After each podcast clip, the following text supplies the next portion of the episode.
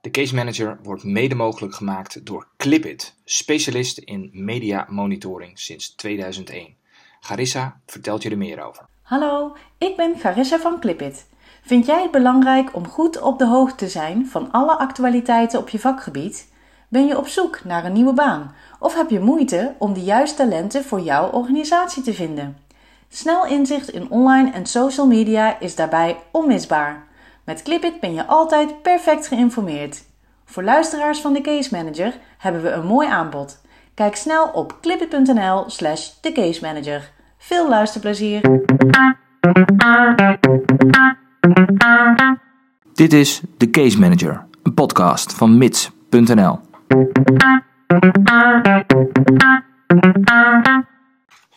Paul, Hey, goedemiddag. goedemiddag. Ik bel je voor de podcast. Dat had ik verwacht, ja. Ja. Dankjewel. Wat leuk. hey, eh, laten we maar gelijk van start gaan. Ehm, we hebben even een paar onderwerpjes. Ehm, even om te beginnen met waar we vorige week mee geëindigd zijn. De, de ziekteverzuimverzekering en de, en de vakantietijd. Nou, de vakantie staat nog steeds voor de deur. Zijn we nog wat wijzer geworden? Want we hadden een oproep gedaan. Ja, ik wel, ja. Vertel. Jij? Heb jij nog iets eh, te horen gekregen? Nou, wat ik heb gedaan, ik heb dat ook nog even onder de, eh, onder de podcast in de show notes gezet. ehm, is dat ik even een, eh, gewoon een polis heb doorgeplozen. Ehm, gewoon, een, gewoon een reguliere verzuimpolis van, een, van een klant van mij. Ik denk van, zal er nou iets over opgenomen zijn over vakantiedagen? Ehm, nou, ik die hele polis doorgenomen, ook de aanvullende voorwaarden, kleine lettertjes. Helemaal niks. Helemaal Niks, hè? Nee. Nee. Nee, dat, eh, je gaat ook niks vinden, denk ik. Nee? Nee. Want? Ik heb, stond toevallig sprak ik iemand die bij een verzekeraar heeft gewerkt. Ja? En ik, ik vroeg hem daar zo op de man af. Heb je er ooit wat van gehoord, hè? Hij zei, ja, wij hebben een grote pilot gedraaid in 2017. En daar kwam uit dat het niet de moeite waard was. Oh. Ja, dus het is, het is geen unieke gedachte om, om als verzekeraar te zeggen, hey, we gaan niet uitkeren bij vakantie, want wij dekken. Ja, wij betalen uit als een, als een werknemer niet werkt vanwege ziekte. Ja. Eh, maar kennelijk is dat een kosten-baten ding. Het, het, het kost gewoon heel veel moeite om die, eh, wat jij ook al zei, je moet dat managen. Je moet die gegevens boven tafel eh, krijgen. Ja. En vervolgens moet je ook nog een keer uitleggen dat je niet uit kan betaald. En dat valt natuurlijk ook niet altijd in goede aarde. Hm. Dus die betreffende vrij grote verzekeraar is ermee opgehouden. Eh, en ik sprak, nou ook niet geheel toevallig, maar ook nog iemand die eh, eh, bij een werkgever werkt. En die zei ja, wij hebben dat ook meegemaakt. En toen werd er maar 1 euro uitbetaald voor vakantie. Maar die betreffende verzekeraar was er een andere, die is er ook mee gestopt. Hm. Ja. Dus, eh, Dus ze vinden dat moeilijk, kennelijk. Maar ze, ze hebben er wel aan gedacht, maar ze, ze krijgen het eigenlijk niet rond. nee, en, en, en, en het kost gewoon veel meer energie dan, eh, dan het oplevert. Eh, en klanten gaan mopperen. En eh, dus hebben ze met z'n allen zoiets van laat maar, dit, eh, dit is niet de moeite waard. Kijk, je kunt het ook gewoon in de premie vertalen natuurlijk. Ja, dat is gewoon een kleine opslag op de premie. Dan heb je die dekking ook geregeld. En als je dat met z'n allen doet, alle verzekeraars bij elkaar, dan is het ook geen concurrentiedingetje. Nee, dat klopt. Dat klopt. Dat klopt, ja. ja. Maar op zich, op zich is de gedachte, hè, want, want zo begon het, dat, dat jij zei van ja, dit is feitelijk geen ziekengeld. Het is, het is vakantie. Eh, dus, dus het moet niet vanuit die. eh, het, het hoort niet gedekt te worden door die, eh, door die verzekering. Nou ja, dat is op zich wel. Het blijft dus overeind staan, alleen ze krijgen het niet rond. Maar dat snap ik ook, dat zo'n verzekeraar zegt: ja, dit is niet ons. Hè, wij, wij moeten er heel veel voor optuigen, maar ik, ik moet zeggen, de ondernemer in mij denkt nu wel gelijk weer van: hé, hey, als je dus als bedrijf je daarin zou specialiseren, je zou dat op een wat efficiëntere manier boven tafel kunnen krijgen, zou je op zich een businessmodel hebben, denk ik dan, toch? Ja, dat, dat is nog maar de vraag. Want voor een verzekeraar telt natuurlijk ook hoe tevreden een, een verzekerde werkgever klant is. En als die gaat zitten mopperen, omdat jij eh, eh, op die paar centen zit, en hij gaat naar eh, de concurrent die wel verzekerd is, ja, dan, dan kun je het nog zo strak ingeregeld hebben, maar dan gaat hij het niet doen. Nee, ja. Ja, eh, klopt. Aan de andere Nee, kant denk ja, ik van op het moment dat jij daarmee het strak inregelt, maar ook een lagere premie kan vragen aan jouw klanten, dan zijn de ondernemers over het algemeen toch wel weer erg, eh, daar, daar zijn ze ook wel weer van gecharmeerd. Dus ja, Ja, heeft- ja dan moet, maar dan moet het echt, als het dan veel scheelt, dan moet het ook echt eh, Ja. flink schelen. Dan kan het een argument zijn. Dat je zegt, van, kom naar ons, want wij zijn goedkoper. Ja. Moet je wel uitleggen waarom je goedkoper bent. Ja. Dan, kom- dan kom je niet uit de lucht vallen.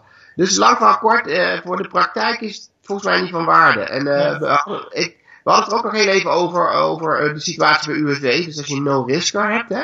ja, ik wierp dat op, zo van, nou, ik heb geen idee hoe dat zit. Ik heb verder helemaal niks op, op de website van UWV gezien, ook niet in, in websartikelen of zo. Maar volgens mij is de gedachte gewoon, je bent... Kijk, de, de, de no-risk policy is een eh, regeling die in de ziektewet staat. Dat is een regeling die, ja, formeel gesproken, voor de werknemer geldt, hè, voor de verzekerde. ja, Eh, en eh, hij is gewoon ja, verzekerd voor ziektewet. En hij heeft daar binnen ook gewoon recht op vakantie.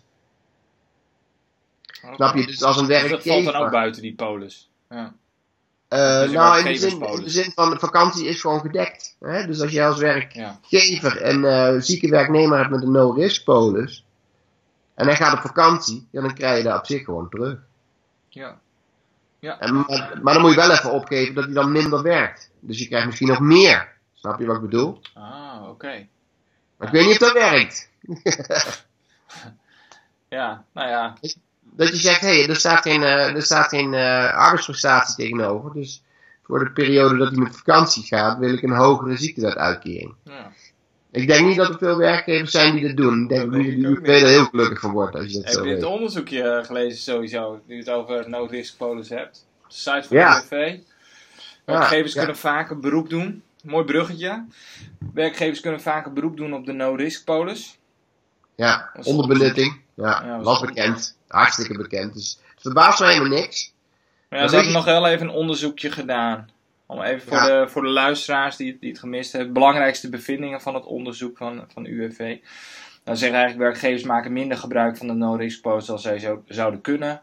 Blijkt uit het nieuwste kennisverslag waarin UWV onderzoek doet naar het gebruik van de no-risk door werkgevers. eh, voor werknemers met een arbeidsbeperking. En de belangrijkste bevindingen zijn dan dat eh, ze hebben dan onderzochte eh, groepen. Eh, in al die groepen is er sprake van ondergebruik van de no-risk polis door de werkgever. Dat wil zeggen dat de werkgever niet voor alle ziekmeldingen beroep doet op UWV, op die polis.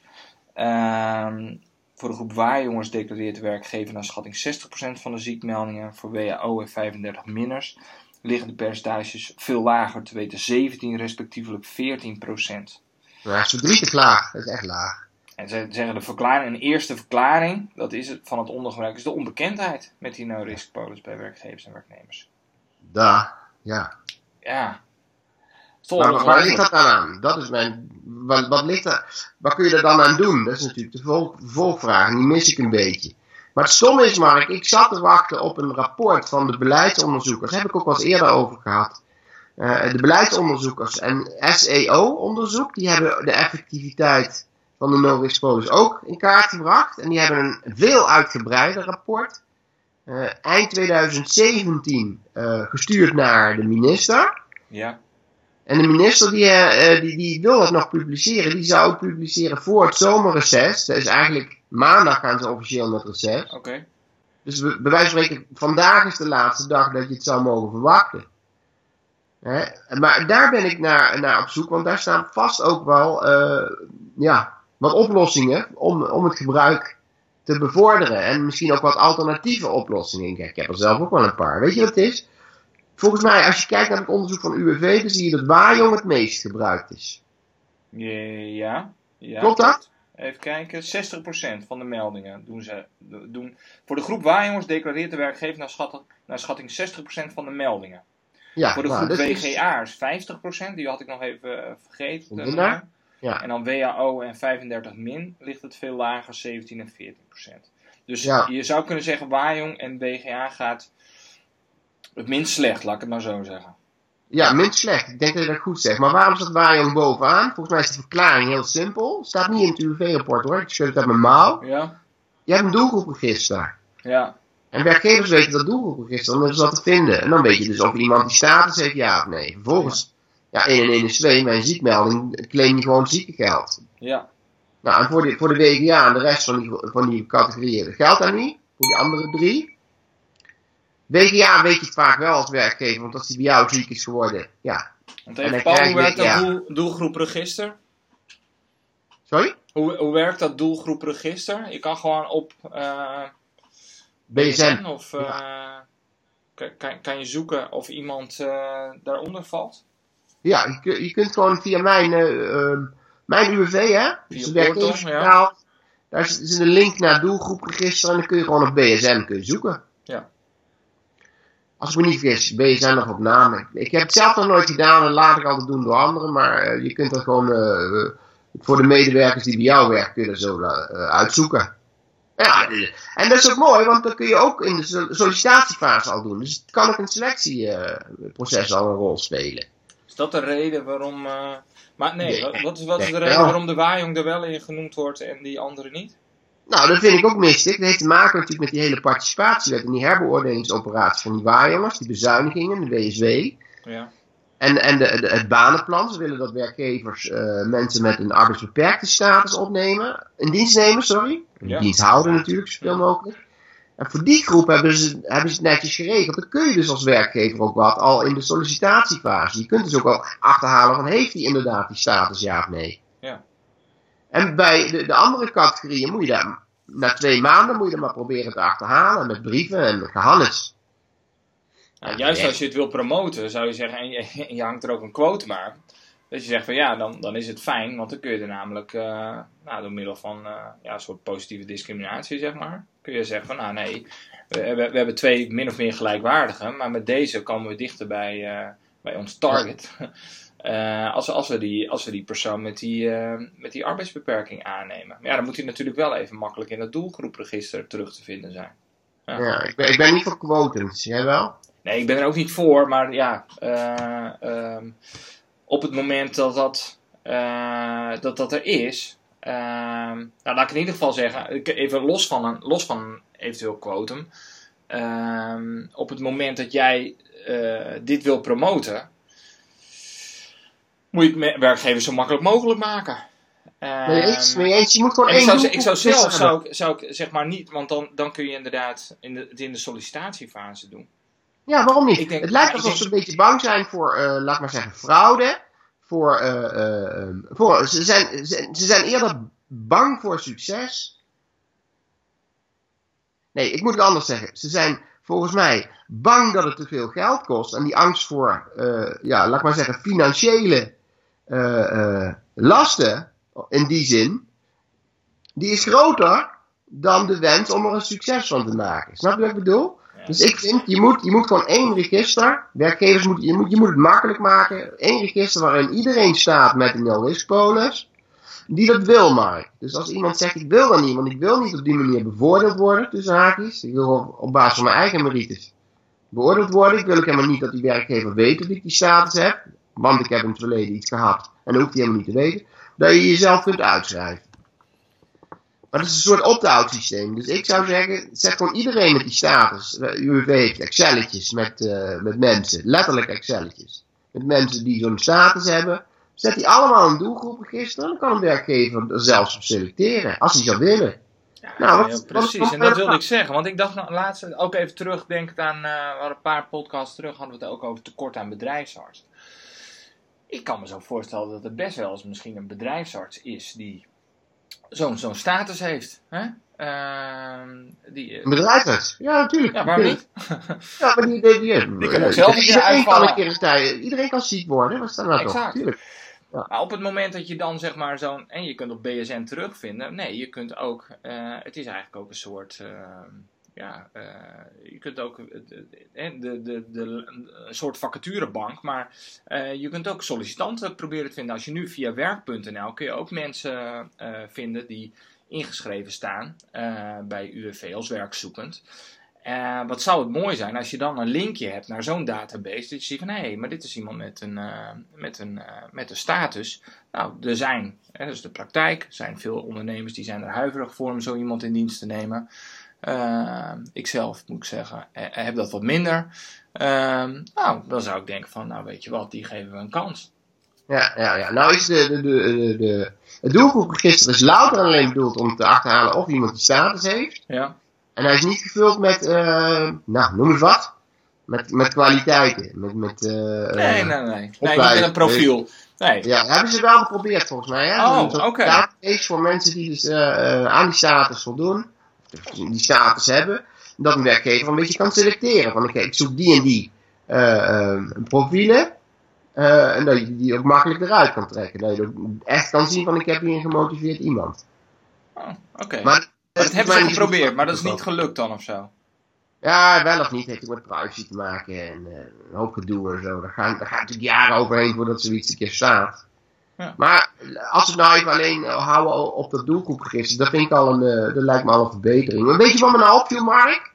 Ja, Want ik nee. het rapport verder helemaal niet spannend. Dat is Nee. echt, het enige wat ik, waar ik een beetje van schrok, was dat de inschatting van UWV was, dat het om eh, in 2015 maar om 90.000 mensen zou gaan met die status. 90.000 eh, werkenden met die status. En in 2016 93.000 mensen die werken met die status. Wat, nog even één keer de cijfers, Paul. Paul, nog één keer de cijfers. Wanneer? Sorry. Sorry. Sorry. Eh, het zou gaan om Ja. slechts 90.000 mensen die werken en die zo'n status hebben. Ja? Nou, in 2016 iets hoger, 93.600. Want die 90.000 was van Dat is van 2015. 2005. Oh, Oké, in een Ja, jaar tijd. maar, maar kijk, ik bedoel, dat vind ik zo laag. vind ik ontzettend laag. Ik schrik er gewoon van. Ik dacht altijd, kijk, als je kijkt naar hoeveel mensen hebben er nou WO en hoeveel mensen hebben er nou WIA en 35 min. Ja, Er zijn er honderdduizenden. ja. Dus, en waar jongens ook. Is er maar, zijn er nog geen kleine honderdduizend mensen aan het werk? Ik heb geen idee. Van al die mensen die die status hebben? Het lijkt, me, lijkt mij inderdaad heel laag, maar... ehm, Dat vind ik extreem laag. Geen wonder dus. we hadden toch wel eens... eh, hadden we het eerder ook niet besproken? Dat 1 op de, 1 op de 15 toch was zo'n eh, zo'n getal? Ja, dat, dat, is, dat is een beetje natte vingerwerk. Want Als je dat vertaalt naar 1 op de... Nou ja, dan, dan ga je voorzichtiger zitten. 1 op de 20.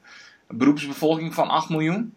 Nou ja, dat bedoel ik. Dus die, die, die Dan gaat het wel om meer, gaat het wel meer om wel 100.000 men- dan om 100.000 mensen, toch of niet?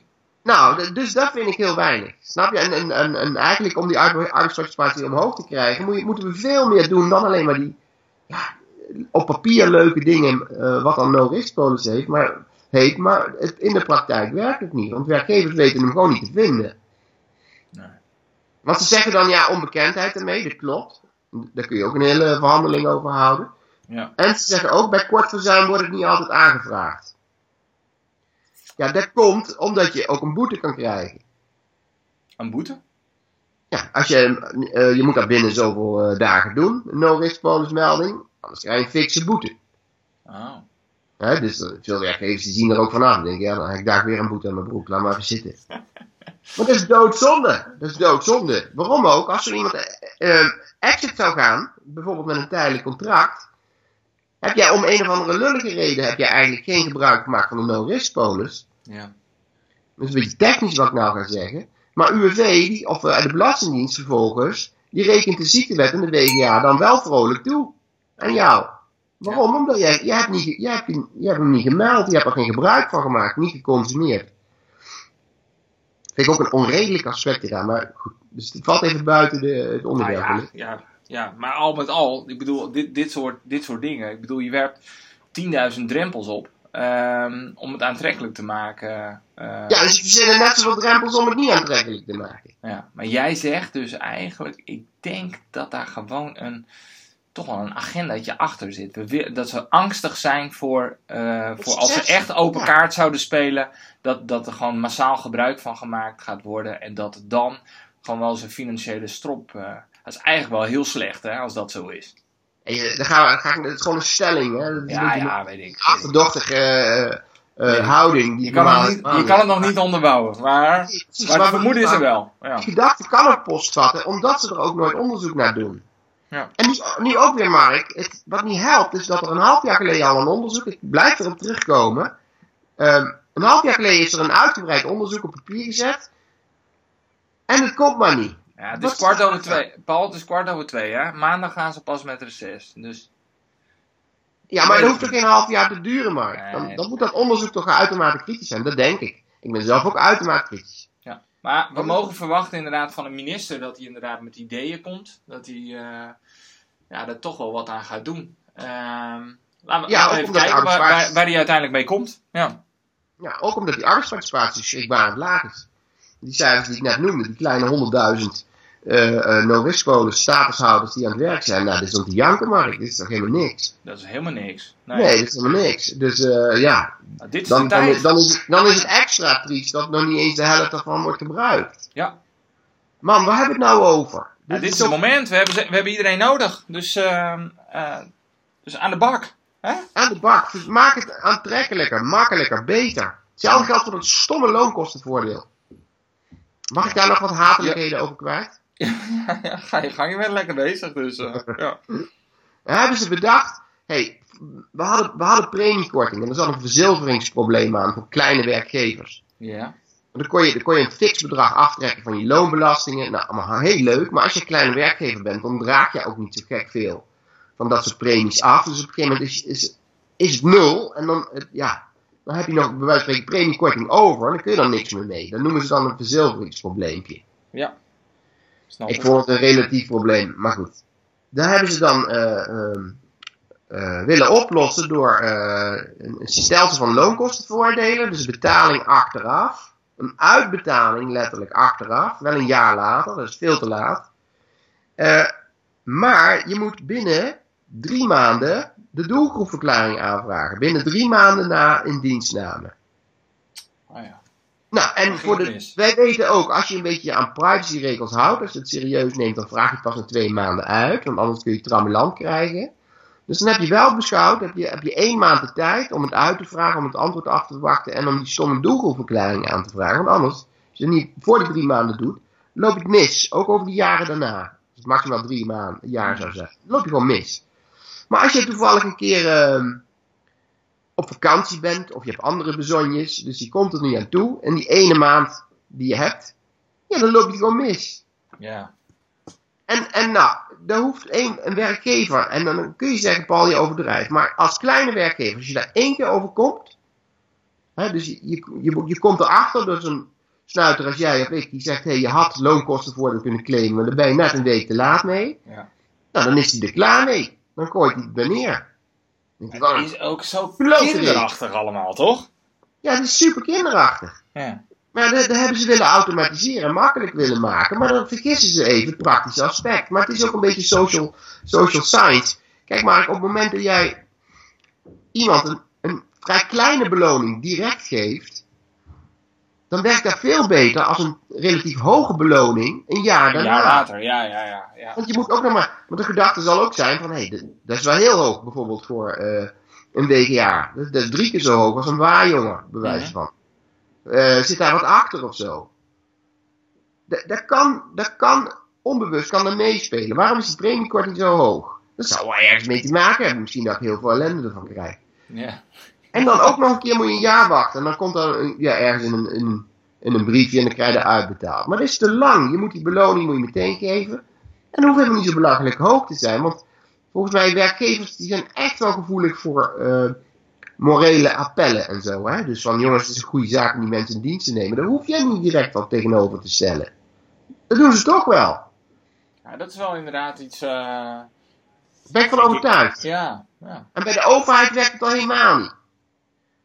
Financiële Ja, voordelen. Kijk, in, de, in die zin moeten ze totaal misschien helemaal anders, eh, anders gaan doen. Dat je zegt. eh, kijk, het, het- kijk, ze, gooien, ze he- hebben toch altijd de financiële prikkel die ze inzetten, hè, UWV. Ja, niet actief dus, niet actief genoeg, want er is nog heel veel onbekendheid. Maar misschien moeten ze het veel meer ook over de boeg gooien van. ehm, duurzaam Nee, ondernemen of zo, ja, of verantwoord ondernemen. Nou, ik, ik Ja. zou willen zeggen, ik, ik zou een, een, een, een pleit willen houden voor ehm reintegratieverklaring in Natura. Dat je zegt, maar luister, je krijgt geen premiekorting meer. Dat is allemaal, want wij, dat heeft geen zin. Dat, heeft het, dat bewijst dit hoofdstuk ook alweer. Wat je moet doen is als iemand met een no-risk polis uitvalt, dan krijgt hij begeleiding door een partij aangeboden die daarin is gespecialiseerd. Dan hoef je als werkgever helemaal niks meer te doen. Behalve natuurlijk je deuren wagenwijd open houden voor zolang het contract duurt. En verder niks. Dus je hebt er ook geen last meer van. Een no-risk polis is ook een, een, een, een slecht woord, want er is wel degelijk risk als je iemand in dienst neemt. Ja, ik denk Je dat je, krijgt ik denk dat je weliswaar- hier de spijker op zijn kop slaat. Ik vind het een heel goed plan. Want de drempel. Ik bedoel, je kunt natuurlijk allemaal dit soort drempels met eh weekje te laat boeten en, en, en dat soort ongein. eh, af. maar de, de drempel is gedoe. De ondernemer precies. denkt: ik ga dit niet doen, want dit levert mij gedoe op. En op het moment dat jij dan gelijk dat kan ondervangen, dus zegt: nee, geen gedoe. Het enige wat je doet is op het moment dat zo'n werknemer weer ziek wordt, is één belletje naar deze persoon, kaartje. Naar naar. Ja, ja, ja nou, ik, ik zou dan zeggen eerder naar Paul, maar... Of naar PV, Arbo, maakt niet uit. Maar, nee, maar, maar, maar dit, is, dit, is de, dit is de meneer, eh, die kun je bellen en die pakt vanaf dat moment alles op. ja, kost jou ook bij het arbeidsbureau, houd, keep it simple. Ja, Dus ga niet lopen stoeien met die stomme premiekortingjes en die, en die no-risk polis die helemaal geen no-risk polis is. Alle gelul allemaal. ja of, of, ofwel ook, ook een financiële prikkel, maar niet dat je daar dan zelf achteraan moet met het risico dat je, als je het net even een dag te laat doet, een boete krijgt. Nee, zeg van, kijk, deze meneer die gaat regelen dat het jou geen euro eh, te veel kost. Hè? Ja. Ehm, en, en, al het, eh, en alle begeleiding, die neemt hij ook op zich. Daar hoef jij niks mee te doen. Nou ja, dan, dan, dan denk ik dat het kans van slagen heeft. En als zo'n statushouder uitvalt, eh, geen ziektewet en WGH-toerekening, ongeacht of je er nou gebruik van hebt gemaakt of niet. Wat Dat is de, bela- de Belastingdienst neemt hier een standpunt in, dat wil je niet weten, Mark. Wat, wat, eh, nog even één keer, wat zei je? Nou, kijk, op dit moment, als je dus een no-risk, wat geen no-risk polis is, maar als je zo iemand in dienst hebt met die status en, hij- en je maakt geen gebruik van de no-risk polis, om wat voor reden dan ook, Ja. en je meldt het niet, en hij zou ziek uit dienst gaan en vervolgens in de ziektewet belanden of in de WGA, ja, dan krijg jij hem gewoon op jouw staan. ja, Dan ja. bepaalt gewoon de hoogte van je premie, in negatieve zin. En dat, is, dat kost je anderhalf, twee ton als je een beetje pech hebt. Ja. Maar er zullen mensen zijn, Paul, je, je kletst je nek, zoveel kan het niet zijn. Het is echt waar. Nee, dat, dat, eh, dat klopt. En wat je dus moet doen daarom is ook altijd die sommenlijsten goed controleren. Ja. En als het fout is, moet je het eruit halen. Maar ik vind het allemaal, ja, het is, het is gewoon ook weer zo onzin. Eigenlijk Als is je, het dan die ziekmelding, als je dan die ziekmelding eh, niet gedaan hebt tijdens het dienstverband, hij gaat ziek uit dienst. eh, en dan kom je uiteindelijk naar wat zoekwerk erachter. Iemand loopt jou tegen het lijf en die zegt, nou Paul, eh, of jij zegt, nou dit is een no-risker. Eh, kun je dan wel allemaal met terugwerkende kracht nog eh, van tafel krijgen? Of ben Jawel, je je kunt, laat geweest? Kijk, op zich is het niet, het is niet, het is niet zo dat je er helemaal niks meer mee kan. Je kan tot maximaal een jaar terug ziektewet claimen als het een no-risker is. Hè? Het mag. Dus als ik het vandaag zou melden, krijg ik nog tot maximaal een jaar terug het ziekengeld. Hè? Ja. Maar dan moet je wel even, moet je wel actief achteraan gaan. En op dat moment, als je het dan geclaimd hebt, ja, dan, dan hoort je ook niet meer terug te komen op je premiebeschikking werkervattingskas uiteraard. Maar heel veel werkgevers weten niet dat je nog met terugwerkende kracht ziektewet 29b no risk kunt claimen. Nee, dat kan dus tot een jaar terug. Ja, ja. Als hij tenminste eh, ja, ziek was dan, hè? Ja. Arbeidsongeschikt. Ja, dat kan. En eh, dat moet je, moet je ook doen. Ik had laatst nog een gevalletje. Ik kreeg een via-toekenning, want dan zie je in het arbeidsverleden dat iemand eh, twee jaar lang eh, eh, ziek is geweest. Dus dat- bleek uit die rapportages. En toen, nou ja, even, even die werkgever geïnformeerd en gezegd: je kunt gewoon een ziektewet claimen. Doen. Ja, En dat scheelt gewoon klauwen. ja, ja, ja. Ja, ja nou mooi. Maar ik heb mooi. een bruggetje naar een lezersvraag. Of een luisteraarsvraag heet dat. Oké, nou dat is het laatste, kan nog net even. Klinkt niet, hè, een luisteraarsvraag. Nee, het is, eh, onze, eh, hadden we al gezegd, hè? Onze, eh, we hebben geen luisteraars, we hebben co-producers. Oh ja, koopjes. Dat klinkt veel cooler. Eh, ik zal hem niet letterlijk voorlezen, want dan is een beetje suf. Maar eh, naam mag ik ook niet noemen, heeft hij liever niet. Het gaat erom, eh, mij werd de vraag gesteld. Ik heb iemand in dienst genomen met een no-risk. Dan hebben we weer koekoek. En ehm eh, dat ging een tijdje goed. Maar hij is op een gegeven moment uitgevallen. En er valt nou eigenlijk geen land meer mee te bezeilen. Want eh, hij heeft gewoon zin meer. Niet, hij heeft geen zin meer om te werken. Komt ook door de ge- gezondheidsklachten die hij heeft. Nou vroeg die meneer aan mij, kan ik, omdat het een no-risk polis is, kan ik eh, de arbeidsovereenkomst, die duurt nog enkele maanden, kan ik die met een vaststellingsovereenkomst doen laten beëindigen? Want normaal gesproken moet je dat niet doen. Dat hebben we, in de, hebben we geleerd met z'n allen. Hè? Want dan kun je te maken krijgen met een benadelingshandeling. Ja, als, wanneer? Als het om een... eh, Nou, kijk, een, een dienstverband met een zieke ga je niet met een vaststellingsovereenkomst beëindigen. Waarom niet? Omdat je moet die werknemer ervoor behoeden dat hij, dat hij daarin meegaat. Want anders gaat hij naar UWV voor een WW of een ziektewet-uitkering. Die krijgt hij niet. Want hij is nog ziek. En UWV zal zeggen, ja, u heeft uw dienstverband ingeruild voor een uitkering. Tenminste, die komt u claimen. En dat noemen wij een benadelingshandeling. Nou ja, tot Wij- zover de, de theorie, Paul. In de praktijk wordt het natuurlijk altijd in zo'n VSO geregeld. Want er zijn heel veel natuurlijk die mensen die zich ziek melden. Waarbij bij het eigenlijk bijvoorbeeld een, eh, een conflict is. Ehm, en dan wordt in de VSO eh, of vlak daarvoor wordt een betermelding geregeld. Ehm, waardoor de werknemer wel... Hè, de, de- waardoor de ziekmelding even beëindigd wordt en werknemer gewoon een werkge- werkgever en werknemer alsnog middels een VSO uit elkaar gaan. Nou, klopt, maar dat, dat, dat, dat, kan. Eh, ik hoor je zeggen, een, eh, het zit een beetje in de situatie, dus het is niet helemaal een gevalletje ziek, maar het is meer een, een soort sfeerding. Mhm. Nou, in zo'n geval zou dat misschien wel kunnen, maar je moet er ontzettend mee uitkijken. En in het geval van die, eh, die luisteraar, die meneer, die was echt ziek. Dus dan kun je niet zeggen, ik meld je beter, want hij is absoluut niet beter. En vroeg of laat komt UWV er toch achter. Dus als hij zou aankloppen voor een WW-uitkering, ja, Ja, ja, dan moet hij een keertje gaan solliciteren. En vroeg of laat zegt die meneer dan een keer, ik kan niet werken. En ik wil niet werken. En dan gaat er een verzekeringsarts naar kijken. En die ziet gewoon dat die meneer hartstikke ziek was, al lang. ja, En dan komt hij weer terug bij jou. Nou, dat moet je dus niet willen. Dus normaal gesproken, als een zieke werknemer eh, zegt van ik wil weg. Ik heb geen zin meer in al die reintegratieperikelen. mhm. Dan moet je hem daar ernstig van weerhouden. Ja. Dan moet je, dat is je plicht als werkgever. Maar dan moet je ook een beetje het eigen belang doen. Want eh, voor hetzelfde, dan komt hij straks bij je terug en nog veel meer ellende. Ja, precies. Maar even terug naar de casus. Ja, maar in dit geval is het dus een no-risk polis. Dus in principe is er al een ziektewetuitkering die loopt. Weliswaar wordt die aan de werkgever uitbetaald als compensatie voor die loondoorbetalingsverplichting, maar er geldt al ziektewet. Dus je kunt UWV niet benadelen. En dat is dan ook de antwoord op, vra- op, op de vraag. Kun je in zo'n geval een vaststellingsovereenkomst aangaan? Ik denk van wel. Waarom? In, ook in het handboek van UWV, ik mag het officieel niet hebben, maar ik heb het een keer die vraag heb ik in, in een ver verleden al een keer gesteld aan UWV. Ja. En toen heeft iemand dat voor me uitgezocht. En er, stond, er staat letterlijk in het handboek. In zo'n geval nemen wij geen eh, benadelingshandeling aan. Omdat de benadeling zo gering of zelfs afwezig is. Dat we daar niks mee doen. Dus het antwoord op de vraag: mag ik een VSO aangaan met iemand die onder de no-risk polis valt? Is in principe ja. Oké, Dus interessant. dat is, dat is ook een voordeel. Stel dat je iemand aanneemt met een vaststellingsovereenkomst, komst, en je zou van elkaar af willen, ook tijdens ziekte, dan kan dat in principe. Ja. Maar je moet er wel mee Ja, even, uitkijken. even terug, hè, Paul. Want in, in principe is, het, is, het is er hier geen verschil, denk ik. Maar dat is even interpreteren, want ik, ik hoor nu de casus van jou en heel sumier. En, maar in- eh, eh, volgens mij hoorde er is geen land meer te bezeilen, staat er nog bij met deze medewerker. Hij heeft er gewoon geen zin meer in. Je zin? Nee. Ja, geen zin meer in.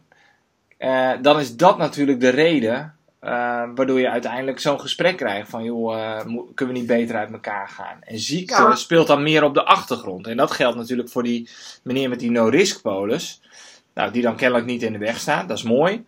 Ja, dan denk ik ook, bij een reguliere werknemer is dat hetzelfde. Als geen zin meer is de reden dat iemand thuis zit, ja, dan, dan, dan is die VSO natuurlijk ook gewoon mogelijk. Ook al Ja, ik moet speelt er op de achtergrond ziekte. Wat ik moet nuanceren is, hij heeft geen zin in het hele reïntegratiegetouwtrek. Dus de, de, poortwachter die eh, ingezet, de tweede spooractiviteiten eh, die ingezet moeten worden, het passende werk, het solliciteren, daar had die man geen zin meer in. Die zegt, ik ben zo ziek, eh, ik trek er gewoon niet. En er is ook geen mens die me wil hebben op dit moment. Ze zien me aankomen, dus ik wil er vanaf. En die werkgever moet normaal gesproken zeggen, ja, ik kan daar niet in meegaan, want UWV die gaat mij aan het eind van de rit controleren en dan krijg ik daar een loonsanctie. Ja.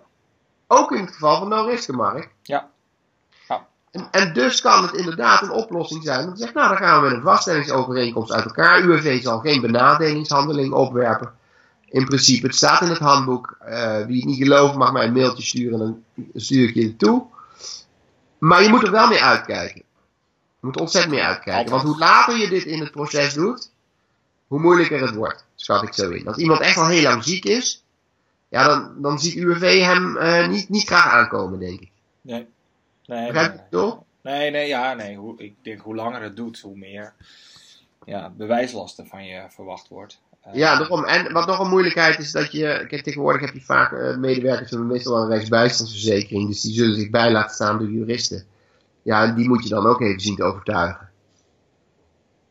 Ja, ja, op zich, ja. Er zijn natuurlijk wel wat trucjes voor. Maar uh, ja, ja oké. Okay. Mooie, mooie casus. Heldere casus. Goed antwoord. En uh, ja, op zich wel positief natuurlijk. Dat dit gewoon kan. Ja, niet, niet nog een extra drempel. Dat is, dat is het goede nieuws. Nee, ja, maar ja, dus, dat, is, uh, dat is wel een verrassende uitkomst misschien voor die man. Dat het inderdaad kan. Je had misschien uh, ja. iets anders verwacht. Ja, ja. Helder Paul. Nou, wij gaan. Ik, ik, ik ga voetbal kijken vanmiddag. WK, ja, hè? We, zijn, we zijn beland in de fase van de kwartfinales. Ik denk, hou je maar even op de hoogte. Frankrijk, nou, Uruguay. Nou, bedankt. Nee, ik, ik heb van de week wel gekeken. Het is wel echt uh, toch wel heel leuk, moet ik zeggen. Een paar gave wedstrijden te zien. Hoor. Vanavond België, België, Brazilië. Kijken. Ja, daar gaan we kijken. En, en volgende week kunnen we het hebben over het capaciteitstekort artsen. Dat loopt op. Ja. En uh, minister, uh, hoe heet die nou? Koolmees, die, die maakt zich ernstig zorgen. Hij begint wakker te worden. En we kunnen het ook even hebben over transitievergoeding. Okay. Is dat nieuws? Ja, dus de Tweede Kamer heeft ingestemd met het wetsvoorstel. Dus ah, je kunt niet okay. met een gerust hart kun je zeggen, het komt er. Ah, ja. Helemaal goed. Gaan we doen, Paul. Wens ik jou voor nu een fijn weekend. En spreken we elkaar volgende week. Doen we! Dank je. Doei. Ciao, ciao, ciao, ciao, ciao.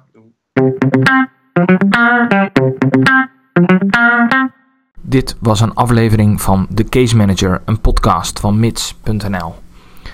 Vind je de podcast leuk? Vergeet je dan niet te subscriben. Dat kan via iTunes of Stitcher. En op die manier mis je nooit meer een aflevering. We zijn helemaal blij als je een positieve review wil achterlaten daar, dus op iTunes of Stitcher. Uiteraard helpt dat onze podcast, maar het helpt ook andere case managers om onze podcast te ontdekken. Paul en ik die lezen alle reviews en we willen graag jouw feedback horen. Heb je specifieke vragen of opmerkingen naar aanleiding van deze aflevering van de Case Manager? Laat dan even een comment achter op mits.nl onder de podcast. Hier vind je ook alle show notes. Nogmaals dank voor het luisteren, ook namens Paul. En graag tot volgende week bij de Case Manager. Doei!